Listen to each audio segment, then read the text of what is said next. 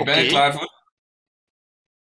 Dag iedereen, opnieuw welkom bij een nieuw praatje tussen Gerbert Baks en mezelf, Arne van Haken.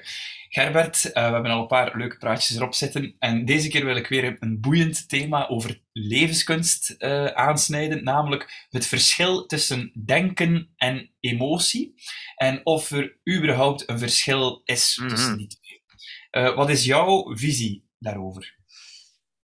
Um, ja, Arne, dat is weer een goede, een vraag natuurlijk. Dat is een vraag die ook altijd terugkomt, die, die, waar mensen het ook altijd moeilijk mee hebben. Omdat als je vraagt wat is het verschil tussen en tussen, dan suggereer je dat dat twee verschillende dingen zijn. En zo ervaren mensen dat ook wel, als twee verschillende dingen. En, en daarom is het nuttig en goed, denk ik, van dat, van daar toch even op, op in te gaan. Mhm. Want mensen, mensen denken vaak dat emoties, of gevoelens dus, hè, ja, er zijn verschillende misverstanden rond. Um, om, om te beginnen denken mensen dat hun gevoelens iets met hun lichaam te maken hebben.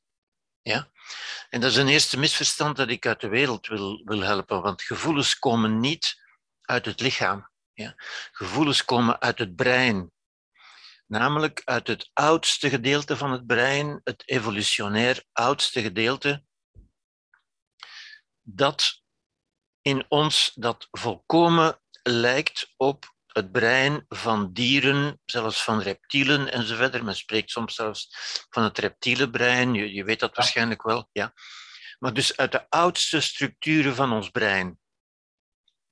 Maar wat er is, is dat we die uh, ons brein zelf ervaren we natuurlijk niet. We, voelen dat niet. Ja?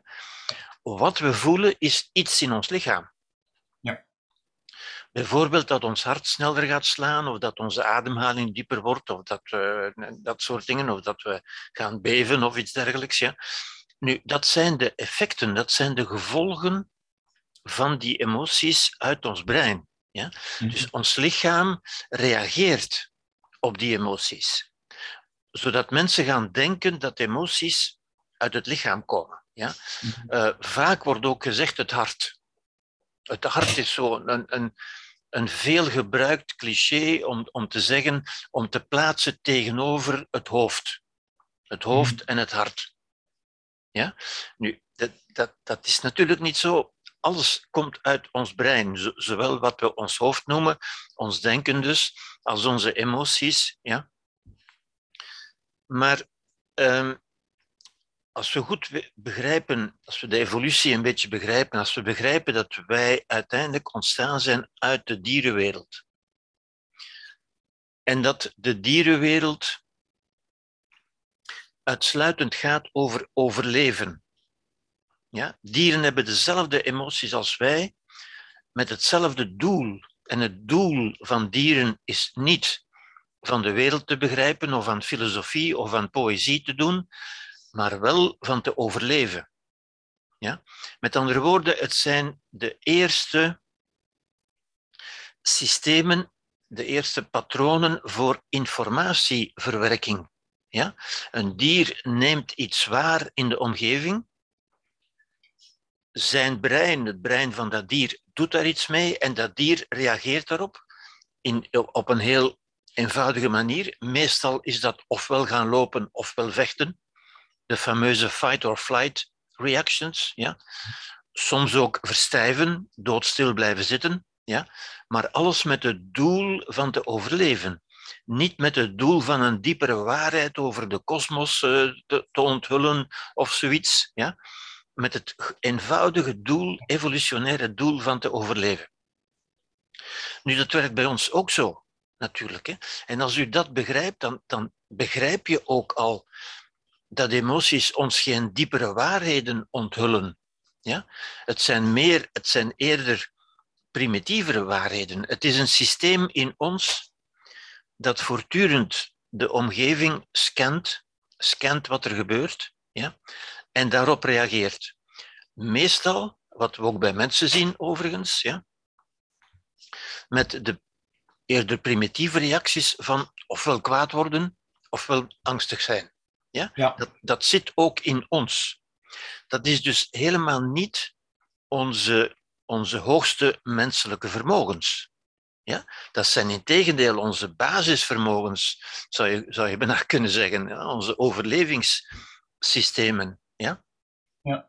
Nu, als je dat systeem zo bekijkt, dan is dat een waarneming in de buitenwereld, een emotie en een actie, een reactie daarop, of een actie in feite. Ja? Nu, dat kunnen we noemen, dat is een informatieverwerking dus, met andere woorden. Ja? Dat is een informatieverwerking en dat is dus ook de primitiefste of de eerste manier van denken, zou ik zeggen. Want denken is alleen maar informatieverwerking. Iets waarnemen, daar iets mee doen, in dit geval op een onbewuste manier, en daar een reactie op verzinnen, een antwoord op geven, met andere woorden. Dus emoties zijn ook een vorm van denken eigenlijk. Dat is wat ik wil zeggen juist. Hè. Emoties zijn, er is eigenlijk geen fundamenteel verschil tussen emoties en denken. Het zijn allebei vormen van informatieverwerking. Maar het emotionele systeem is het oudste systeem en is bovendien onbewust. Ja. Wij, wij denken daar niet bewust over. Vandaar dat we dat ook geen denken noemen. We stellen alleen vast de gevolgen in ons lichaam. Mhm. En daarom denken wij dat dat ons lichaam is dat ons iets probeert te zeggen.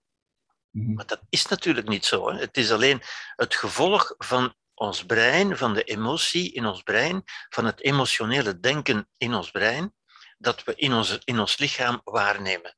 Ja, dat Ja. is wat dat jij noemt, het, eh, het, of jij noemt, dat is het, het informatieparadigma, hè, waar dat jij dan eh, van uitgaat. En dan er tegenover staat dan misschien meer het, hoe noem het, het energetisch paradigma, of het energieparadigma, waar mensen dan zeggen van, eh, die, die emoties zitten in ons lijf en we moeten die kunnen loslaten, of die Ja. leiden ons naar een diepere wijsheid. Maar dat is dus iets waar, waar, wat jij onderschrijft. wat ik helemaal niet onderschrijf natuurlijk. Ja. Ja? Mhm. Nee. Ehm, die emoties geven ons wel de kracht, de energie, kun je zeggen, ja, om iets te doen. Ja? In feite maken die gewoon onze energie wakker. Onze energie zit in ons lichaam. Ja? Maar waar je naar vereist, verwijst, is in het energieparadigma, dat, een, dat eigenlijk een voorbijgestreefd paradigma is, van, van, van 100 jaar terug of zoiets, ja?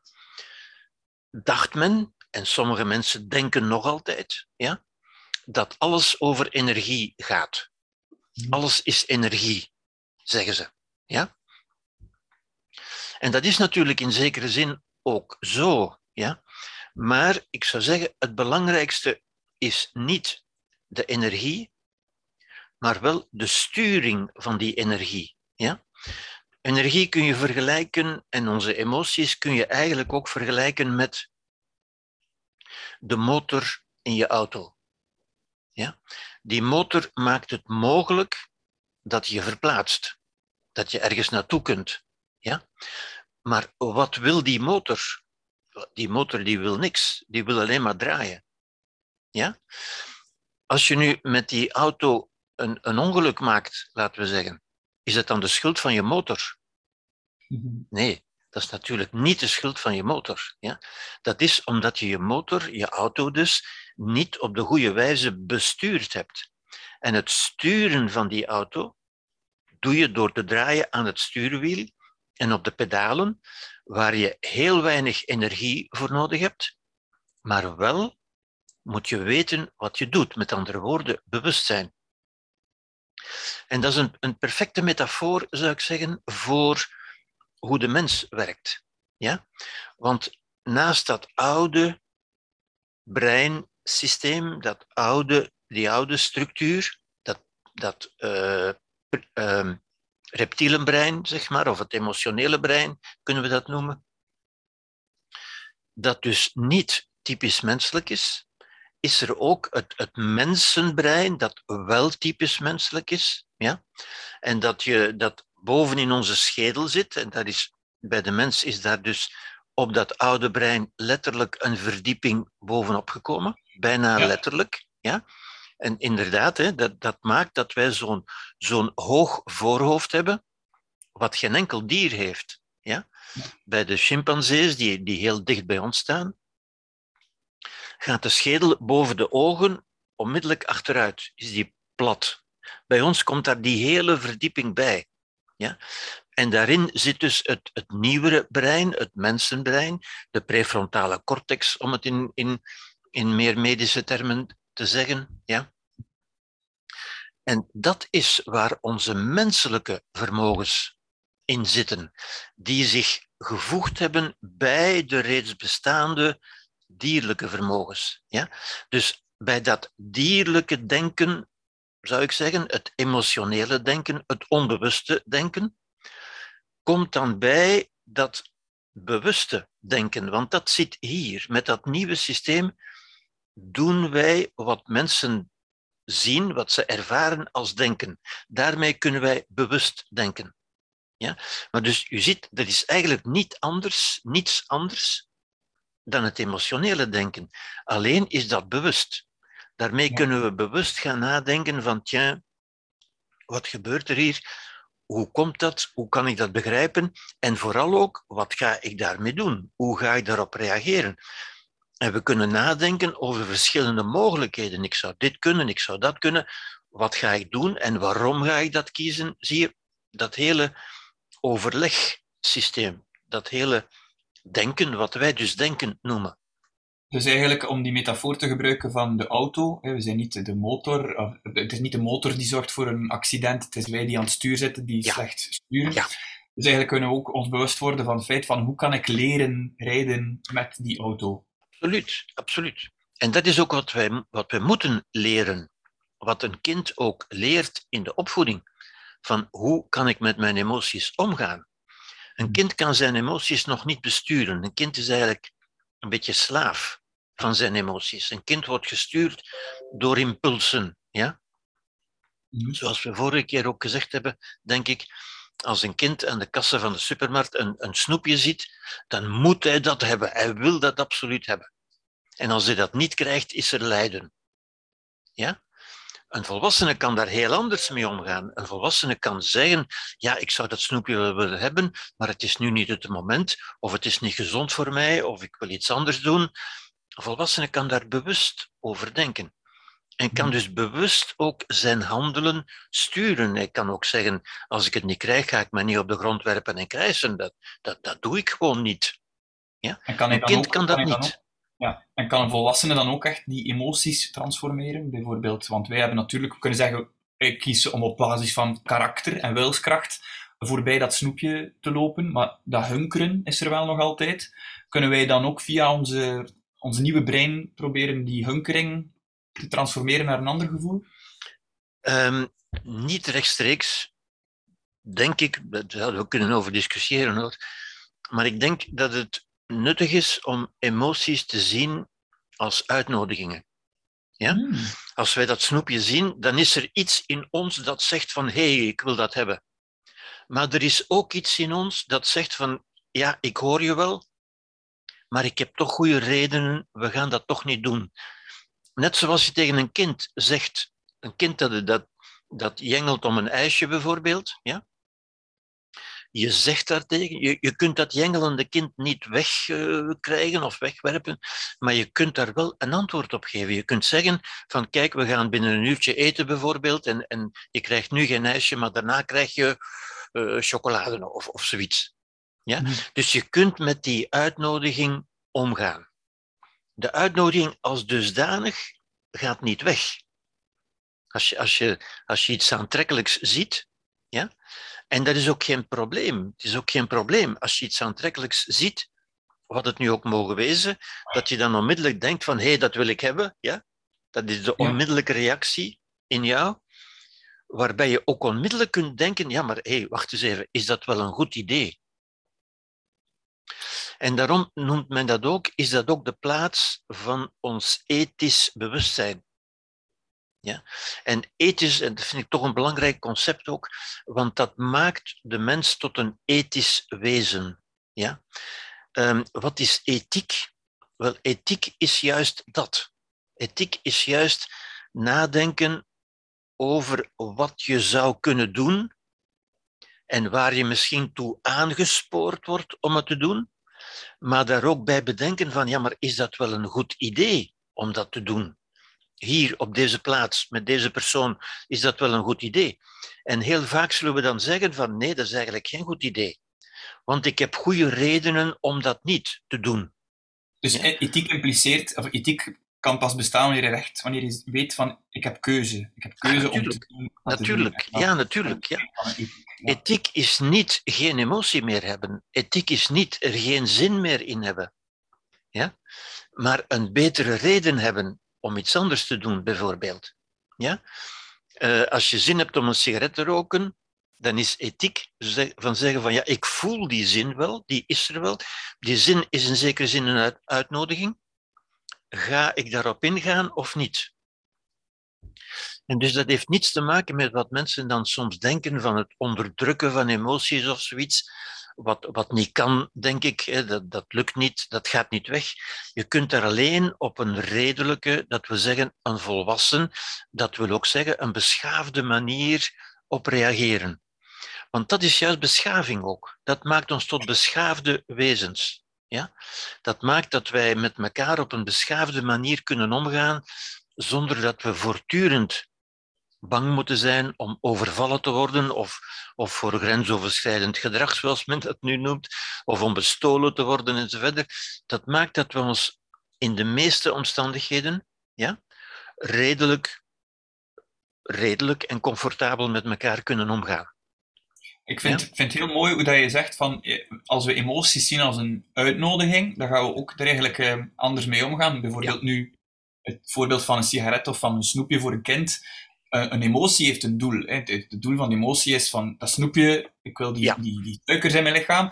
Maar bijvoorbeeld ook een andere emotie, angst. Hè. Als je bijvoorbeeld bang bent om iets te doen, dat is ook een, een, een, een dat heeft als doel om je weg te houden van, van die klef of weg te houden van iets te doen waar je bang van bent. Ja. Maar als je het ziet als een uitnodiging, kan je dus ook in de plaats van, zoals je zegt, die emotie onderdrukken of uh, vechten tegen die angst, dat gewoon zien van nee, dat is een uitnodiging om afstand te nemen van dat project, waar ik eigenlijk bang van ben om dat compleet te maken. Maar je kan dus in plaats van dat te onderdrukken of daartegen te vechten, toch te zeggen van kijk, bedankt voor de uitnodiging. Ja. En ik, ik ga jou niet, niet vechten tegen jou, maar ik neem jou mee, meneertje angst. En ik ga toch verder... Allee, ik ben eigenlijk de baas daarvan. Ik ben de baas van wat ik doe. Ja, ja. Nu, dat kun je ook bijvoorbeeld, om een ander voorbeeld te geven, een belediging. Iemand die je beledigt, zal ik maar zeggen. Ja? Onze eerste reactie is toch van kwaad te worden. ja? Van ja. Wat, wat, wat denkt je wel, voor wie neemt hij mij wel, en zo verder. Dat komt in ons op zo. Hè? Je ziet mijn vuisten ook. Hè? En dat is de eerste reactie. Ik, ik ga erop meppen, want ik wil dat niet. Ja? Ja. Maar we kunnen ook in, in tweede reactie, en die tweede reactie kan op een fractie van een seconde komen, hè, van, van zeggen, ho, ho, ho, wacht eens even. Ja? Dit is toch geen echte vijand. Ja? Ga ik erop meppen? Nee, ik ga er niet op meppen. Ja? Waarom niet? Wel, bijvoorbeeld omdat ik niet iemand ben die op andere mensen gaat meppen. Uh, dat is niet hoe ik wil zijn. Zie je? Mm -hmm. Ja. En dat is ook belangrijk, hè? want dat zit ook in ons, in, dat is ons hoogste vermogen. Dat zit ook in die prefrontale cortex, hè? waarin we onszelf maken hoe we willen zijn. Je kunt zeggen, ik ga dat niet doen, want ik vind dat geen beschaafd gedrag. Dat is niet wie ik wil zijn. Dat vind ik niet redelijk. En uiteindelijk kan ik daar ook in bedenken. Wat is eigenlijk die belediging? Wat heeft hij mij aangedaan? Hij heeft alleen woorden uitgesproken. Mhm. Hij heeft mij niet echt iets aangedaan. Ja? En tenslotte, wat hij zegt, definieert mij niet, maar definieert hemzelf. En het is toch niet omdat hij niet beschaafd genoeg is, dat ik mij niet beschaafd moet gedragen, bijvoorbeeld. Ja? Ja? Zie je, al die, en dat is wat die, dat overleggen, dat nadenken van wat is het eigenlijk en ga ik die opwelling die ik in mij voel en die reëel is, ja, dat is een opwelling, dat is, dat is een impuls van binnenuit, hè, van sla erop, ja. Zeggen, ho, ho, ho, wacht even, ja, ik ga dat toch maar niet doen. Ja? En, en op die manier maken wij onszelf, op die manier, die emoties zijn daarmee niet weg. Hè? Die zijn er nog altijd, maar we gaan op die uitnodiging niet meer in. Ja? Ja. ja?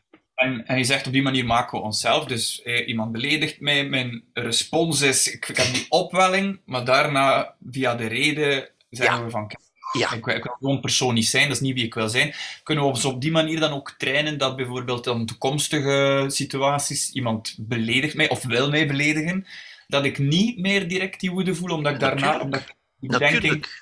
En dan wordt het Natuurlijk. makkelijker. Ja. Natuurlijk, want dat is ook een, een, een functie, een mogelijkheid van dat, dat fantastische instrument, waar, waar, dat echt wonderlijk is hoor, waar we niet genoeg eh, bij stilstaan, hoe wonderlijk dat is. Ja. Wij kunnen met dat instrument, cortex, of, of bedoel je welk ja, instrument? ja. eigenlijk ons hele brein, maar vooral ook dat bewuste stuk van ons Mhm. brein. Ja. Daarin kunnen wij ons ook trainen, inderdaad, hè, want wij kunnen, mij, we kunnen ons voorstellen, tja, van die, ik ga bijvoorbeeld eh, meneer X eh, morgen zien, en ik, ik kan mij al voorstellen dat hij mij misschien zal eh, brutaal behandelen of mij zelfs beledigen. En ik kan mij voornemen van, ik ga daar toch rustig en beschaafd mee omgaan. Ja. Ja? Zodanig dat ik geen slaaf ben van mijn, van mijn emoties, dat ik die emoties ook niet ontken of onderdruk of zoiets, hè? maar dat ik een ander gedrag in de plaats stel daarvan. Ja, Die emoties kan ik rustig laten zijn. Ik, ik, ik merk die wel dat dat iets in mij is dat, dat, dat, dat een beetje, maar ik kan zeggen, ho, ja, ik, ik ga mij als een beschaafd mens gedragen. En dat is uiteindelijk beschaving. Dat is ook ethiek. Hè? Van, ik zou er kunnen op meppen, maar ik ga dat niet doen. Waarom niet? Wel, omdat ik er heb over nagedacht. En dat nadenken, ja, ik vergelijk dat soms, en sommige mensen, soms helpt dat ook wel, ik vergelijk dat soms met ons parlement. Ja? Want het, parlement is ook de plaats in, in een samenleving, in een volk, in een natie, is de plaats waar allerlei gedachten en ideeën en voorstellen en plannen uh, aan bod kunnen komen, waar daarnaar geluisterd wordt. De verschillende partijen zetten hun standpunten uiteen. Zouden we dit niet doen? Zouden we dat niet doen? Wat is daarvan het voor- en het nadeel? En zo verder. En dan komt er een, een stemming en wordt er een besluit genomen. Wel, dat is letterlijk wat bij ons ook gebeurt. Hè. Wij kunnen verschillende opties, mogelijkheden ondernemen, uh, uh, onder, uh, onderzoeken, zou ik zeggen. Ja? Ik kan verschillende dingen doen. Ik, ik kan mij kwaad maken, ik kan me omdraaien en weglopen, ik kan een gedichtje schrijven, ik, kan, ik heb vele opties. Ik kan er een boek over schrijven, of ik kan een dansje maken, of ik kan gaan zwemmen. Of, uh, ja. Ja? En dat is ook de vrijheid van de mens natuurlijk. Hè? En daarin kunnen wij kiezen hoe wij voortaan willen zijn. Daarin kunnen we onze zijnswijze uitdenken en bepalen uiteindelijk. Ja? Nu, um, ik vind het een supermooie metafoor van het parlement. Helemaal akkoord mee. Uh, maar ik kan nog iets kleins iets vragen over bijvoorbeeld, dus iemand beledigt mij. Ik heb die woedeopwelling. Ja. Dan heb ik wel even het gevoel dat die keuze, die, allee, dat, dat, dat parlement, ja. is even niet echt toegankelijk. Hè? Of, Ja. of dat lijkt toch even, op dat moment ben ik niet bezig van, ik kan een gedichtje, ik kan gaan zwemmen. Nee, op dat moment is er die drang, mijn huis te zijn geklemd. Um, maar ik vraag me dan af, um, kunnen we dan eigenlijk want, want, we worden die, die emoties wel gewaar in ons lichaam. Ja. Hè? We voelen die spanning. en- Is er dan, dan zeggen we soms van, ik moet even gaan wandelen, of ik moet even springen, of, of op een kussen slaan eventueel, ik zeg maar iets. Ja. Is er dan, het is wel zo toch, dat je toch via je lichaam jezelf weer kan reguleren of zo? Of is dat dan ook weer iets wat dan een redelijke mens zegt van, eigenlijk is dat niet nodig, eigenlijk kunnen we puur via het denken dat, die spanning ontwapenen of zo? Eigenlijk is dat niet nodig. Eigenlijk is dat, Eigenlijk is het niet nodig, oké. eigenlijk is dat niet nodig. Ja. En dat is ook, maar, maar dat is ook een veelgestelde vraag hoor. Het is, het is goed dat je die vraag stelt. Want ook dat heeft iets te maken met, met, het, met het energieparadigma, zou ik bijna zeggen. Ja. Mensen zien emoties soms, ja, om, omdat we emoties, dat, dat blijft een moeilijk te vatten begrip. Wat, wat is dat eigenlijk? Hè? We, voelen dat wel, maar wat is dat eigenlijk? Nu, als je, mensen denken soms dat er een soort substantie is. Iets wat je met je meedraagt, bijvoorbeeld. Ja? Nu, een emotie is zeker geen substantie. Dat is dus ook niet, niet iets dat je kunt neerzetten of dat je in je rugzak steekt of, of iets dergelijks. Ja? Een emotie is iets wat je doet, is een activiteit. Ja? Is, een, is een, ja, een activiteit van het oude brein. Mhm. Zoals ik zou kunnen zeggen, ik vergelijk emoties vaak met, stel dat iemand mij eh, beledigt, hè, dan heb ik onmiddellijk die vuist. Ja? Die vuist, dat is, dat is de, mijn lichaam dat zegt, ik wil erop meppen. Ja? Die vuist wil, wil meppen.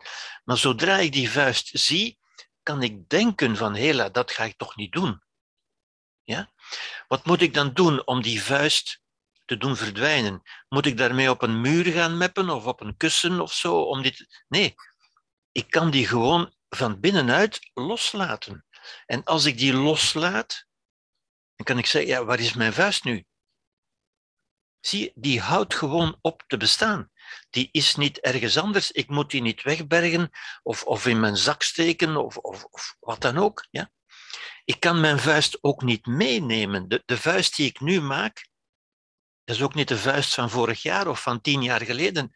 Er zijn ook geen oude emoties, met andere woorden. De emotie is altijd nu. Die vuist is mijn vuist nu. En ook dat is een misverstand. Natuurlijk, mensen kunnen zich. Ik kan mij, als ik aan iets denk, en ook dat is in mijn parlement, hè, als ik aan iets denk, dan kan ik mij opnieuw kwaad maken. Wat dacht hij wel? Wat, hoe heeft hij mij behandeld? Dat ging toch niet en zo verder. En ik kan opnieuw die vuist maken. Dat is niet de vuist van tien jaar geleden. Dat is de vuist die ik nu maak, omdat ik er nu aan denk. En dat kan ik ook blijven doen. Ja? En daarom hebben mensen ook het idee dat het iets in mij is dat blijft bestaan. Maar dat blijft bestaan zolang ik het laat bestaan. Ja? Vandaar ook het, het, het, de mogelijkheid en het nut van wat mensen soms noemen vergeving bijvoorbeeld. Hè. Vergeving is eigenlijk iets dat je doet voor jezelf. Je zegt voor jezelf, ik ga die gedachte, want dat is alleen maar een gedachte, geen macht meer geven over mij. Ik ga mij daar niet meer zo kwaad in maken. Want zolang ik mij daar kwaad in maak, ben ik eigenlijk slaaf van die gedachte. Niet van het verleden, want het verleden is er niet meer. Maar wel van die gedachte over het verleden. En dan zal ik telkens ik eraan denk, of telkens, of als ik iemand zie die lijkt op die persoon, zal ik mij opnieuw. Hè, ik hoorde gisteren nog iemand zeggen, als ik bepaalde muziek hoor, dan, dan heb ik die emotie weer en zo. Ja? Mhm. Dat is omdat we, er nog, omdat we dat niet doorgedacht hebben. Dat is niet het verleden, dat is wat ik doe nu. Ja? En ik kan nu beslissen van daar voortaan anders mee om te gaan. Ja? En dat is ook wat we in ons eerste praatje gezegd hebben, dat is ook de innerlijke vrijheid. Ja? Ik laat mij niet meer bepalen door wat er in het verleden is gebeurd of door mijn denken over het verleden. Ik maak mij daar vrij van. Ik ben hmm. nu een vrij mens om te doen wat ik nu wil. En dat kan iedereen altijd eigenlijk. Zodra u zich daar bewust van bent. Ja? Maar mensen houden dat idee vaak ook af en zeggen: nee, ik kan dat niet. Want het verleden speelt nog in mij en zo verder. Het verleden speelt niet in u, uw gedachten spelen in u. Ja? En als u dat begrijpt, dan ziet u ook hoe uw gedachten uw emoties bepalen. Ja? Als, u, als u aan het voorval terugdenkt, dan kunt u die emotie weer oproepen eigenlijk, hè, door te zeggen, dat was toch niet eerlijk, ik had dat niet verdiend, ik had dat niet gevraagd en zo verder. En u maakt uzelf eigenlijk op. U wekt die emotie eigenlijk op. En dat is, ook wat ik bedoel. Hè, met emotie is iets wat je doet, wat je opwekt in jezelf. Ja. Ja? Niet iets wat daar zit, ja? maar iets wat je op elk moment kunt wakker maken. Tot ik er anders ga over denken. Ja. En ik kan aan dat voorval in het verleden terugdenken op een andere manier, op een mededogende, op een welwillende, op een volwassen, op een beschaafde manier eigenlijk. Ja. En is er zoiets als een als een eh, emotionele thuis. Dat is een begrip dat ik zo een keer gehoord heb door Tony Robbins. Dat is zo'n beetje een zelfhulpgoeroe. Tony En, Robbins, eh, ja. Ja, ik vind allee, heel... Ja, ik ken hem, ik ken hem. Heb daar zelf al veel aan gehad. Die heeft eh, Ja, heel, heel, ja. heel slimme dingen te zeggen ook. En die zegt van, mensen hebben een emo- emotional home. Nu, dat is een concept, hè. Dat, is iets, dat is weer taal. En hij zegt van, en we willen altijd terugkeren naar dat, naar dat thuis. Als onze thuisbasis is een gevoel van twijfel of van angst, dan zelfs al ervaren we vredelievende compassie, dan voelen we van, oeh, we zitten eigenlijk uit onze comfortzone. Ik wil terug naar die emotionele thuisbasis. Ik kan me inbeelden dat jij dat totaal niet onderschrijft, zoiets. Nee, nee, inderdaad. Daar, daar ben ik het niet mee eens. Daar ben ik Ja. het absoluut niet mee eens. Ja? Ik zou zeggen, onze emoties. Een kind wordt geleid door zijn emoties. Ja? Maar volwassen worden is eigenlijk de ontwikkeling van dat vermogen, hè, dat nieuwere brein, dat die emoties gaat sturen. Het, het sturen vind ik een goed, een goed, een goed concept eigenlijk. Hè? Die emoties, die, dat zijn ook niet onze vijanden. Je moet die niet overwinnen, je moet daar niet tegen vechten. Je moet daar leren mee leven. In, in vrede mee leven, zou ik zeggen. Want die gaan ook niet weg. Ja. Mhm. Maar ik denk, wat ik eigenlijk wil zeggen is, wat ik eigenlijk wil zeggen is, we zijn bijvoorbeeld als ik nu al vijf jaar lang bang ben eh, van iets, ik weet niet, ik heb niet echt een concreet voorbeeld, bang van mijn partner te verliezen of zo, en dat is echt een angst, en, en ik krijg daar de bevestiging van, doordat ik die angst heb, ben ik mijn partner nog niet verloren, want die angst heeft mij, heeft het tot, doel ervoor gezorgd dat mijn partner nog altijd bij mij is. En als jij mij dan zou kunnen helpen door het- mij ervan te overtuigen van kijk, eigenlijk is het niet nodig om die angst te Ja. voelen. Maar Ja. er zal dan nog altijd bij jou blijven zonder dat je dat vervelend gevoel van angst moet hebben. Ja, ik kan me inbeelden dat, dat, dat, dat, je soms zo geconditioneerd bent en dat, dat dat dan misschien bedoeld wordt met een emotionele thuis. Is dat dan ook iets dat je, dat je kan doordenken en dat je kan in, jezelf in trainen van... zeker, zeker, Ja. zeker, ja. Het concept emotionele thuis zegt mij eigenlijk niet veel hoor. Da- Daar kan ik niet veel mee, mee, mee doen, zou ik leef- zeggen. Ik leef hier Maar nu als- naar de vuilbak van mijn computer. Voilà, verwijder, leeg prullenmand. Ziezo, ja. Weg daarmee. Maar als ik het voorbeeld neem dat je, dat je aanhaalt, ja, Mhm. eh, om te beginnen illustreert dat dat je emotie opgewekt wordt door je gedachten. Want Ja. dat je partner je kan verlaten, dat is een gedachte. Dat is een gedachte. Hè? Dat, is een, dat is een toekomst die je creëert. Ja? En ook dat kunnen wij. We kunnen met ons brein, met ons bewustzijn. Ja? Ehm, ons, ons brein zit in ons hoofd, in onze schedel, maar met ons bewustzijn kunnen wij overal zijn. In het verleden, in de toekomst, in, in Amsterdam, eh, in, in Moskou. eh, ja? Daarin zijn we onbeperkt uiteindelijk. En dus we kunnen ons ook verplaatsen in een toekomst die er niet is. Net zoals ons kunnen verplaatsen in een verleden dat er niet meer is. En we kunnen daar emotioneel op reageren. Ja? En die angst, die angst zegt eigenlijk alleen maar van, oh nee, nee, dat wil ik niet. Dat is wat je voelt. Ja? Je gedachte is, je partner zou je kunnen verlaten. Je emotionele reactie is, nee, dat wil ik niet. Dat is de angst. Ja? De angst is die nee. Ja? Nu, als u dat begrijpt, dan kun je er op verschillende manieren mee omgaan. Ja? Je zou kunnen zeggen, redelijkerwijze, mijn partner heeft mij nog niet verlaten en ik kan daaraan denken, maar dat waar ik kan aan denken is nog geen realiteit. Dat is gewoon geen realiteit. Ja? En dan komt de rust terug in het nu. Mijn partner is nog altijd bij mij. Ja. Ja? Je zou ook een beetje verder kunnen denken van inderdaad, hè, dat is allemaal denken in je parlement. Hè? Dat zegt inderdaad, mijn partner is nu nog bij mij, maar misschien gaat hij mij morgen verlaten. Of volgende week. Ja? Wat is dan een redelijke reactie van te zeggen, inderdaad, dat zou kunnen. En mijn angst nu zal niet maken dat dat niet kan gebeuren. Ik kan alleen mijn heden daardoor ongelukkig maken. Ik kan mijn heden vergallen met mijn angst over de toekomst. Zoals ik ook mijn heden kan vergallen met boosheid over het verleden. Ja. Maar het verleden gaat niet weg door er boos over te zijn. Het vergalt alleen uw heden. En dat is met de toekomst ook zo. U kunt de toekomst niet veranderen door er angstig voor te zijn. Dat verandert alleen uw heden, uw nu. uw, welzijn, uw existentie nu, in feite. Ja? En u kunt daar redelijkerwijze over denken. En dat is, dat is, het is belangrijk dat je dat, en interessant dat je dat zegt, want dat is ook wat de Boeddha bijvoorbeeld voortdurend zegt. Ja? En dat is wat de Boeddha noemt je onthechten van iets wat er is. Eigenlijk alles wat er is. Alles wat er is. Niet alleen je partner, maar ook je kinderen, ook je huis, ook je gezondheid. Kunnen er morgen niet meer zijn. Of volgende week, of volgend jaar, of binnen tien jaar. Ja? En wij noemen dat zwarte gedachten. Hè? Daar, moet je niet aan denken. Ga maar snel iets leuks doen. Ja? De Boeddha zegt dat zijn gedachten van wijsheid. Dat is de wijsheid van te beseffen, inderdaad, dat kan.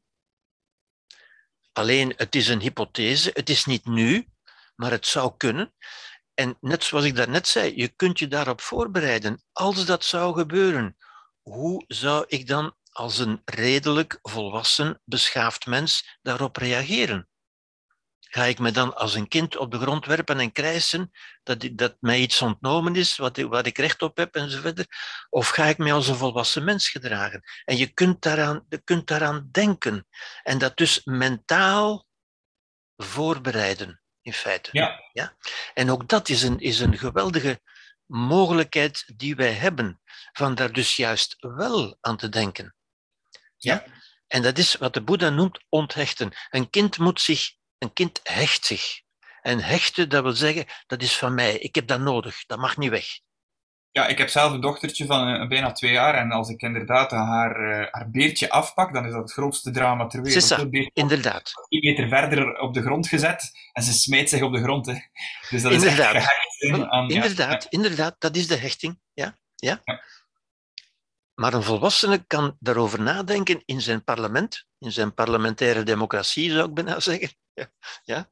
En kan beseffen, eigenlijk alles wat, ik, alles wat er is, kan er ook niet meer zijn.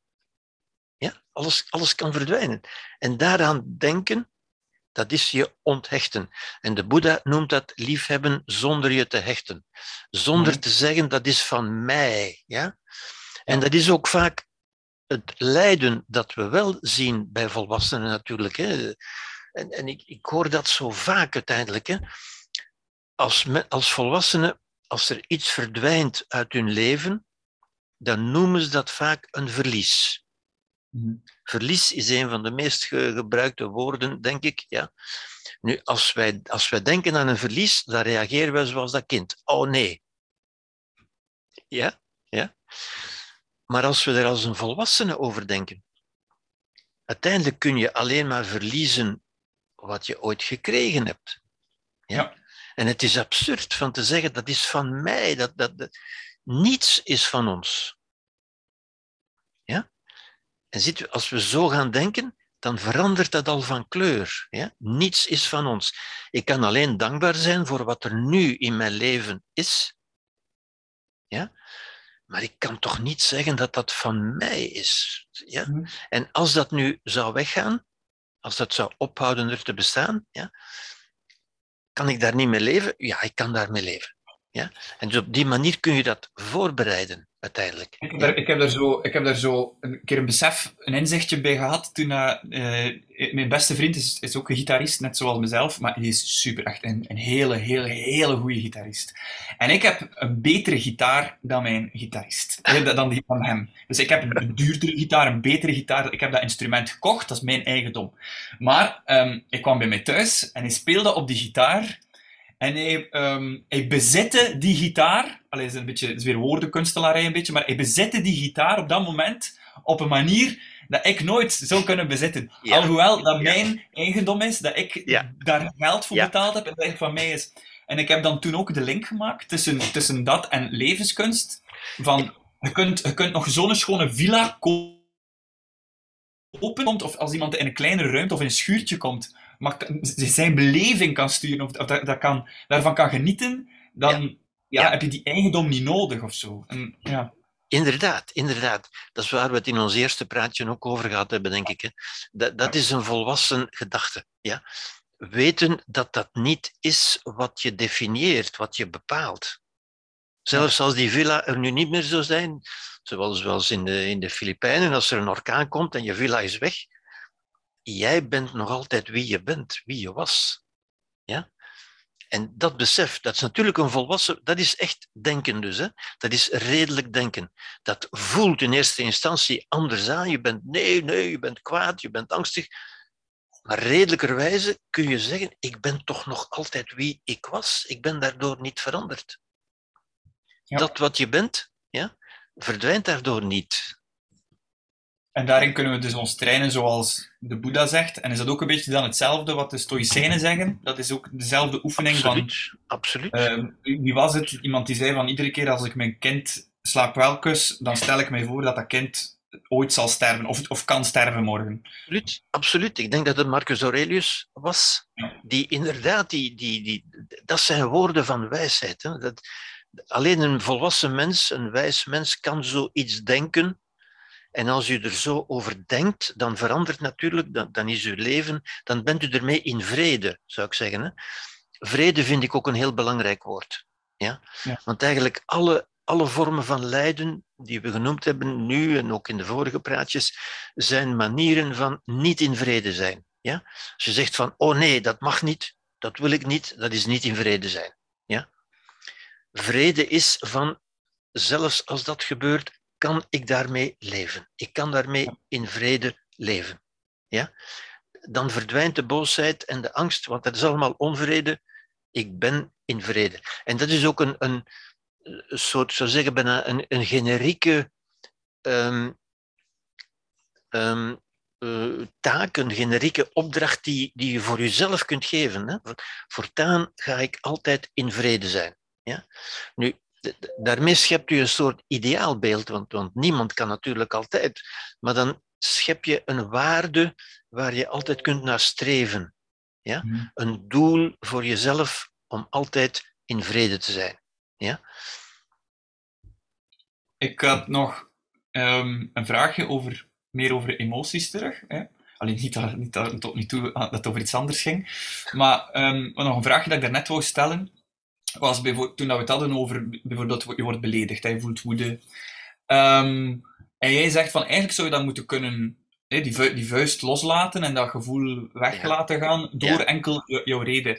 Maar ik zit zo te denken, om dan een beetje misschien over de relatie tussen lichaam en geest te hebben. Dus die woede zorgt wel dat mijn hart sneller gaat slaan, dat mijn spieren, dat er meer bloed komt. Het is werkelijk een, een, fysiologische reactie.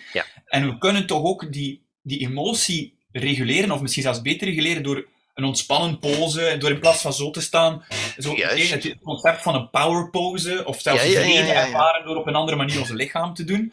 Dus impliceert dat dan impliceert dat dan dat wanneer je dat nodig hebt, dat, dat instrument van je lichaam te veranderen, dat je, dat je het nog niet helemaal doordacht hebt van eigenlijk heb je, heb je dat niet nodig, die power pose. Eigenlijk kan je puur, puur door, je, door, je, door je reden die ontspanning weer in je lichaam, of is er toch zoiets van... Want ik, ik, ik denk toch, dat is toch iets heel helend, heel goed voor je lichaam om bijvoorbeeld yoga te doen of, of, of ontspannen poses, omdat dat bijna een rechtstreeks effect heeft op mhm. jouw gedachten. Maar jij mhm. zou, moet dat jij zegt van nee, het kan echt louter vanuit je brein naar... Wel, dat is, daarom vind ik het voorbeeld van die vuist ook zo'n goed voorbeeld eigenlijk. Hè? Die vuist is niet iets wat bestaat, maar iets wat ik tot bestaan breng door ze te maken. En zo is dat met emoties ook. Hè. Emoties bestaan niet, tenzij je ze tot bestaan brengt door jezelf emotioneel te maken, door je kwaad te maken of je angstig te maken. Maar het moment dat je daarvan bewust wordt, kun je dat ook bewust ontspannen. Ja, ja oké, okay, bewust... snap ik. Maar... Mhm. Ja, maar bijvoorbeeld het voorbeeld, dat is ook een voorbeeld in jouw boek zelfs, denk ik, van een zebra wordt achtervolgd door een tijger en kan ontsnappen. En die doen iets met hun lichaam, die schudden dat van zich af en dat is weg. Die gaan weer gaan, gaan grazen. Maar die schudden dat wel van zich af. En ik vraag me af, hebben wij ook niet zoiets van... Dat, ja, dit moet er wel afgeschud worden, even. Van, oké, ik was bang. Uh, oké, ik ben niet gestorven. Maar ik moet wel even... Woe, of zo. Ja, je, je kunt dat doen, dat is niet verboden, maar dat is zeker niet nodig. Ja, ik, ik moet toch ook die vuist niet, niet van me afschudden. Ik kan die heel bewust, dat, dat is met name wat men in mindfulness doet. Hè? Dat we zeggen, gewoon met je aandacht je lichaam, ik doe dat vaak met patiënten ook, met, met aandacht je lichaam van binnenuit bekijken, bevoelen, betasten eigenlijk, met je aandacht door je lichaam gaan en merken waar er spanningen zitten. Dat is je bewustzijn gebruiken. Hè? En dat is heel vaak in, in je schouders bijvoorbeeld. Ja?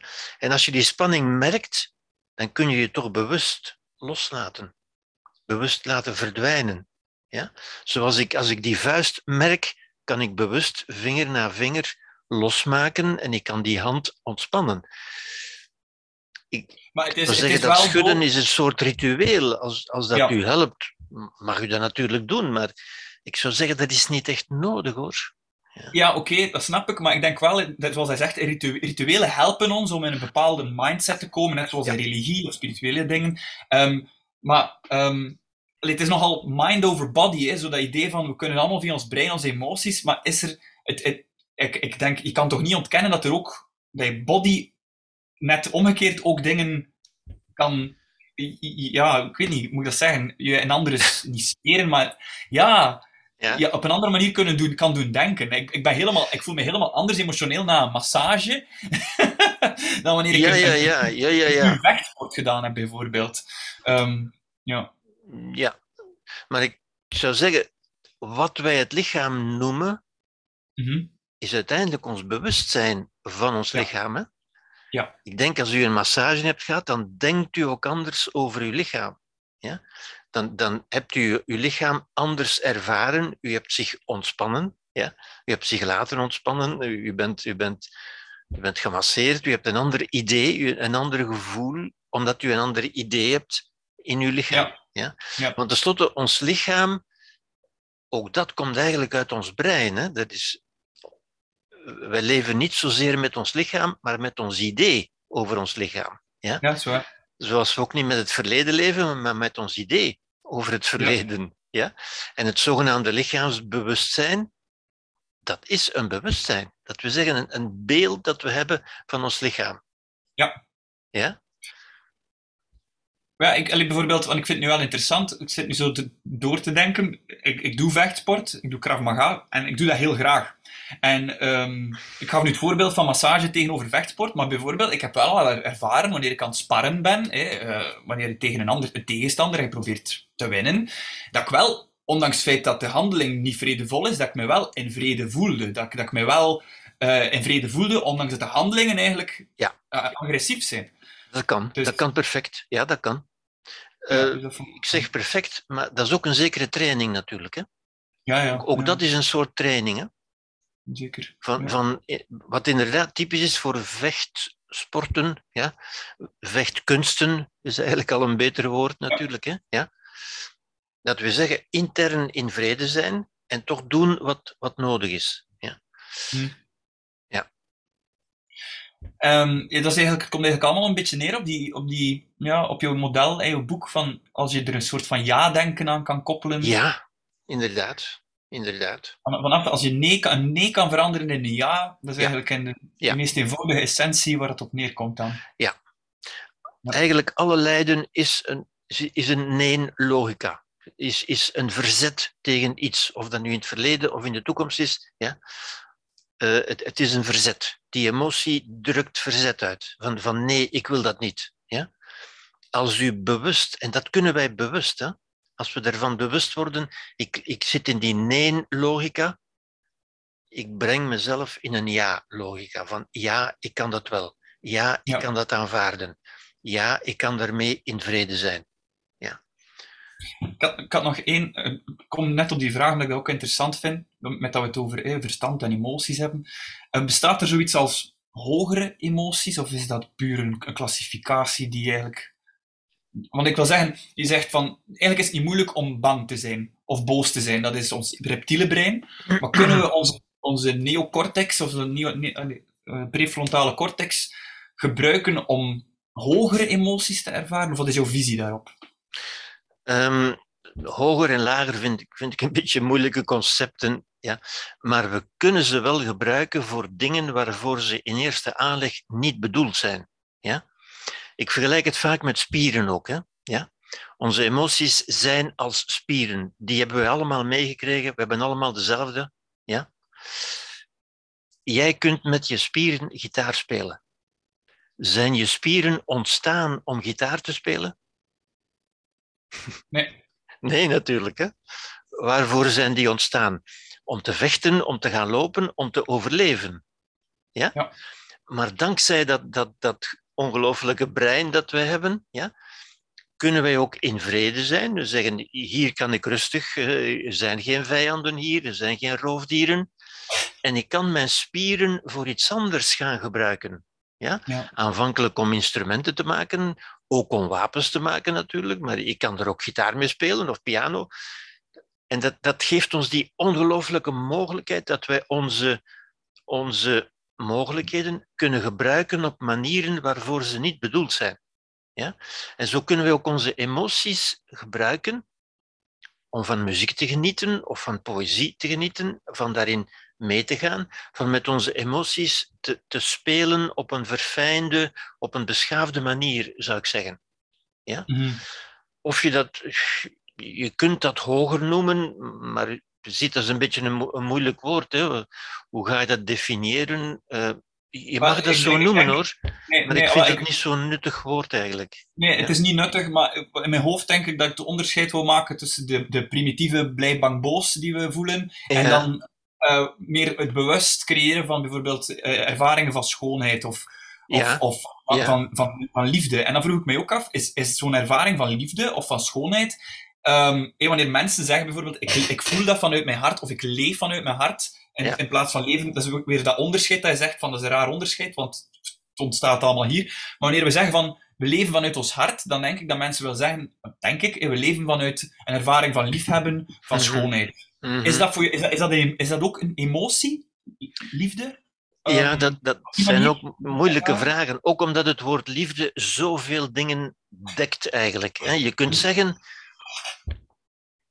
en bij veel mensen is dat ook zo natuurlijk. Je kunt zeggen, ik kom altijd terug op dat kind met zijn bonbon. Hè. Je kunt Ja. zeggen dat kind had liefde voor die bonbon. Ja. Hè. In de zin ja, van, eh, ik wil dat hebben. Er is die, die, die hebberige liefde. Ja? Ja. En dat evolueert naar, dat is van mij, dat mag niet weg, eh, anders is het een verlies en zo verder en zo verder. Ja? Ik zou zeggen, de volwassen liefde is ook een meer redelijke liefde. Ja? Mhm. En dat, is, dat berust ook meer, ik verkies eigenlijk ook het woord welwillendheid. Ah ja. Welwillendheid tegenover liefde. Ja? Welwillendheid vind ik zo'n mooi woord, omdat dat betekent het goede willen. Als je iemand op een volwassen manier lief hebt, zou ik zeggen, hè, zoals ouders hun kinderen lief hebben, ja? Dat is, ze willen het beste voor dat kind. Ja. Dan doe je iets met de ander, met je aandacht bij de ander. Ja? Ja. Kinderlijke liefde is met de aandacht bij mezelf. Ik, ik wil dat hebben. Dat is van mij. Ja. Ja. Ja, ja. Dat is de pakkerige, de bezitterige liefde. Dat, dat is de lust natuurlijk ook. Hè. Dit is wat het lichaam ook wil. Hè. Ja, ja. Seksualiteit is ook voor een stuk dat natuurlijk. Hè. Dat, Ja. dat zit er ook altijd in. Maar de, de, de volwassen liefde is ook weer, ja, de beschaafde liefde zou ik bijna zeggen, is ook van beseffen, niets is van mij, maar ik wil het beste daarvoor. Hè. Zoals eh, de, Boeddha heeft dat ook een keer gezegd, toen men hem ook die vraag stelde, wat is het verschil tussen verliefdheid en, en liefde? Ja? Hij zei, wel, als je een bloem ziet en je bent daar verliefd op, dan pluk je die bloem en je neemt die mee. Als je liefde hebt voor die bloem, dan geef je ze water. Zo mooi. Dat is mooi. Dat is mooi, hè? De, de Boeddha had zo die, die gave, die, die pedagogische gave van met zo'n eenvoudige voorbeelden zoiets te illustreren. Ja? Als je die bloem lief hebt, dan doe je iets wat goed is voor die bloem. En tegelijk, door dat te doen, voel je jezelf ook goed. Ja. En dat is wat ik het, het, het intellectuele en het morele geluk ook noem. Hè. Je voelt je goed omdat je iets goeds hebt gedaan. Zoals ouders zich goed voelen als ze iets goeds doen voor hun kind. Ja? Ook al is dat niet leuk misschien. Ook al is dat niet onmiddellijk fijn, maar je hebt, het, je hebt dat idee, ik heb iets goeds gedaan. En Ja. dat is een veel diepere vreugde, dat is een geluk, zou ik zeggen. Ja? Een moreel geluk, omdat je iets goeds hebt gedaan. Ja. Ja? En ook uit de redelijkheid ontstaan, omdat je zelf beslist hebt. Ja. je- ja. Ja, ja, ja. Ontstaan uit redelijkheid, inderdaad. Hè. Dat is rational compassion noemt men dat ook. Hè. Redelijke liefde, redelijke welwillendheid. Ah, er zijn, er zijn zoveel vragen dat ik wil stellen, maar we zijn over onze tijd aan het gaan, Gerbert. Mag ik nog één, iets, mag ik nog één vraag stellen? Nog één Natuurlijk, vraag stellen? natuurlijk, ja. Oké. Ehm, als artiest zijn er iemand die, die mensen wil in vervoering brengen en zelf in Ja. vervoering wil gebracht worden, wil ik zo die, dat gevoel van schoonheid ervaren. En dat is iets wat dat ik probeer te sturen, maar dat ik helaas geen of nog geen controle over heb. En dan moest ik mogen Ja. kiezen. Ik zou elk moment van mijn leven in schoonheid en in liefde ehm, ervaren, maar dat lukt mij niet. Maar dat gebeurt wel soms, dat je overvallen wordt door een gevoel van wauw. Zoals mensen dat noemen, een eh, religieuze ervaring, een aha-erlevenis, een zonsondergang, een mooi muziekstuk. Is dat ook iets dat vanuit de reden uiteindelijk ontstaat? Of van waar komt zoiets? Want dat is bijna spiritueel dan, of lijkt toch zo? Ik, ik denk dat dat ons emotioneel beroert dan, hè, zoals muziek dat doet. Hè. Ik, ik heb dat ook bij, bij muziek. Hè, die... En aan muziek, enfin, voor mij, voor andere mensen is dat dan meer eh, schilderkunst of zoiets. Voor mij is dat meer muziek. En dan voel je ook, je, je geeft je daaraan over eigenlijk. Ja? Je laat je meenemen en op dat moment laat je dat ook toe. Je laat dat gebeuren. Je, je laat je meenemen, in feite, door muziek. En ik denk muziek eh, resoneert onmiddellijk met onze emoties omdat er een soort isomorfisme is, maar, maar goed, eh, dat, zou ons nu te ver leiden. Maar we, we zeggen dat spreekt tot onze emoties, omdat we onze emoties daarvoor openstellen eigenlijk. Ja? We laten die mee trillen, in feite, met de trillingen van de muziek, in zekere Ja. zin. Ja? Mhm. Maar daar, wat ik nu aan het doen ben, is in feite redelijk nadenken over die ervaring van schoonheid natuurlijk. Hè? Ik Ja, probeer ja, ja. ze nu een beetje te begrijpen en, en te vatten. Ja? Maar dat is niet de ervaring zelf. De ervaring zelf is, als die muziek komt, eh, de Matthäus Passion of, of, of Rameau of zoiets, inderdaad, of, of, een, of, een, of een ongelooflijk landschap waar je op valt, d- dan, dan zeg je alleen maar wauw uiteindelijk. Hè? Ja. En kun, kun- kunnen we, eh, dus dat, dan bypast dat eigenlijk min of meer onze reden, al op een of andere manier wordt de, Ja. die emoties, je zegt Ja. een isomorfisch proje- eh, Isomorfisme, ja. ja. isomorfisme. Ja, maar hoe, hoe het, is dat te verklaren of is dat werkelijk een wonder? Allee, zo ervaringen van schoonheid, eh, kunnen we dat terugbrengen naar van, ah, dat is de prefrontale cortex, of dat Nee, is vooral ik denk dit, het of is dat niet. Ik, Nee. ik denk het niet. Ik denk het niet. Nu, daar is veel discussie over hoor, want, want ook de ervaring van schoonheid is iets wat we niet echt kunnen begrijpen. Je kunt dat ook niet, niet willekeurig oproepen, natuurlijk. Hè. Je kunt je wel redelijkerwijze zeggen van kijk, die ervaring die ik daar heb gehad, die kan ik toch ook op andere plaatsen hebben. Je kunt je wel proberen open te stellen daarvoor. Ja? Je kunt Ja. ook proberen van het schoon, van schoonheid te zien, waar er in eerste instantie geen schoonheid te zien is. Er zijn mensen die ner- nergens schoonheid zien. En er zijn Mhm. mensen die overal. En dat kun je wel trainen, denk ik. Hè? Je kunt Ja. je wel. Wat kan ik hier zien? Wat is hier mooi? Wat is hier goed? Wat is hier fijn? Ja? Je kunt dat wel trainen hoor. Maar je kunt dat niet zomaar willekeurig oproepen, natuurlijk. Hè? Dat kan niet. Ben je, zeker, ben je er zeker van dat dat niet kan? Eh, zeker, nee, ik ben daar niet zeker van. Ja. Maar ik zou bijvoorbeeld, vinden mocht dat ooit lukken. Hè. Ja, Ja, gewoon kan maar- zeggen, en nu wil ik ja, in vervoering gebracht worden. Ehm, bijvoorbeeld ik, ik ken mensen die in vervoering zijn voor schilderijen. Ja? Ja. Ik kan dat bij mezelf niet, niet verkrijgen, maar wel voor muziek. Ja. Ja. En dat is nu iets wat ik, wat ik denk ik niet kan, niet kan makkelijk wijzigen. Is dat iets wat, dat wat dat als we het over levenskunst hebben en een soort van een ambitie van een levenskunstenaar, is dat, een, is dat dan min of meer een soort van ideaal van stel je nu voor dat je ondanks wat er ook gebeurt, dat je altijd kan leven vanuit die welwillendheid, vanuit die... Maar ik denk dat je dat wel kunt. Dat kun je Ja. wel, omdat welwillendheid is een morele categorie. Dat is een houding.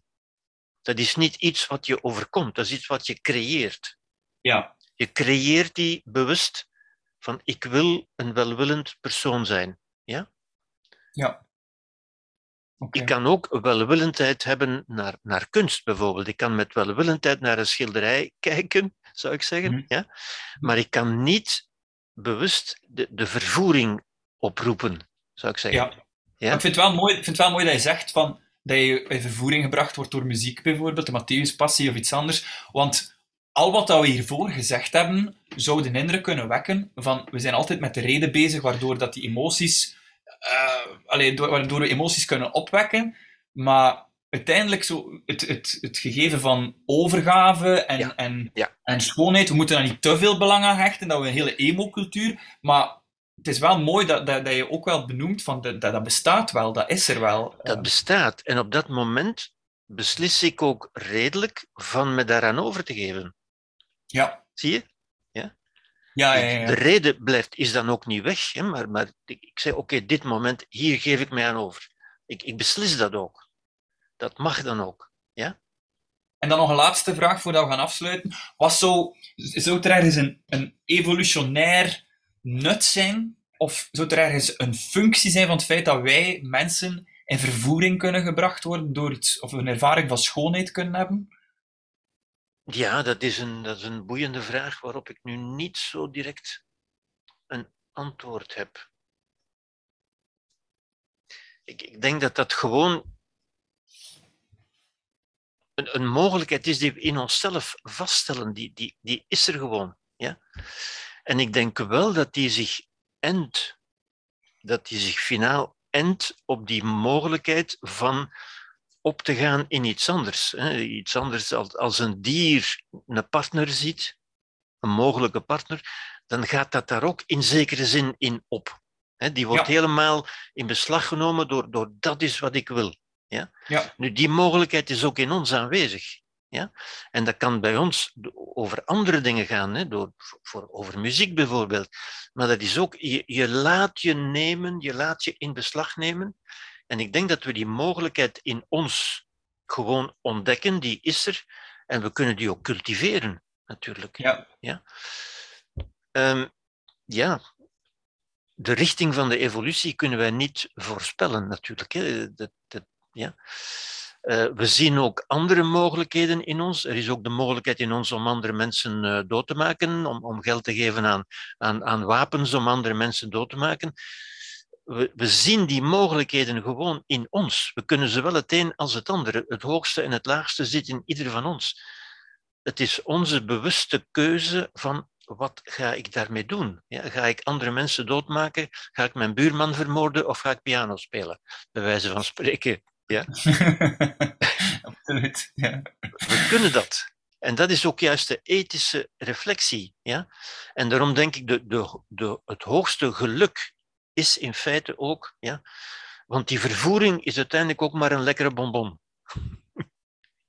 Ja. Maar het, het hoogste geluk voor een mens is, denk ik, het morele geluk van ik heb iets goeds gedaan ik zeg altijd tegen mensen, de, de makkelijkste manier om je goed te voelen is van iets goeds te doen. Ja, ik, ik vind het wel interessant, want toen ik het zelf zei van, eh, over levenskunst, zou dat een ultiem doel zijn om altijd een ervaring van schoonheid of altijd een, een gevoel van vervoering te kunnen leven. Maar dan terwijl ik het zei, dacht ik van, eigenlijk is dat ook maar een beperkt geluk. Omdat je ja. op dat moment wilde alleen maar heel tijd de lekkerste bonbon. Ja, ja inderdaad. inderdaad. Ja. Inderdaad, ja. En dus, dus jouw, jouw, jouw visie daarop is van nee, het hoogste geluk is dat morele geluk, dat gevoel van je doet iets goed. Ik denk het wel. Ik, ik denk het wel. Dat, dat is mijn idee toch, ja. ja. Die, die vervoering, dat is, dat is fijn. Dat is ongelooflijk fijn. Hè? Dat, dat, is een, dat is een lekkere praline. maar een gelukkig leven is inderdaad geen aaneenschakeling van pralines. Ja. ja? Maar ik denk wel een, een toestand waarin je jezelf kunt zeggen van ik heb goed gedaan. Ik heb iets goeds gedaan. Ja, mooi. Herbert, een gelukkig leven is geen aaneenschakeling van pralines, maar hopelijk wel een aaneenschakeling van nog veel babbeltjes samen. Ik heb er weer enorm van genoten en uh, we zien elkaar hopelijk gauw weer terug. Hè. Dank u wel, Herbert. Oké, okay, dankjewel, Arne. En tot de volgende keer.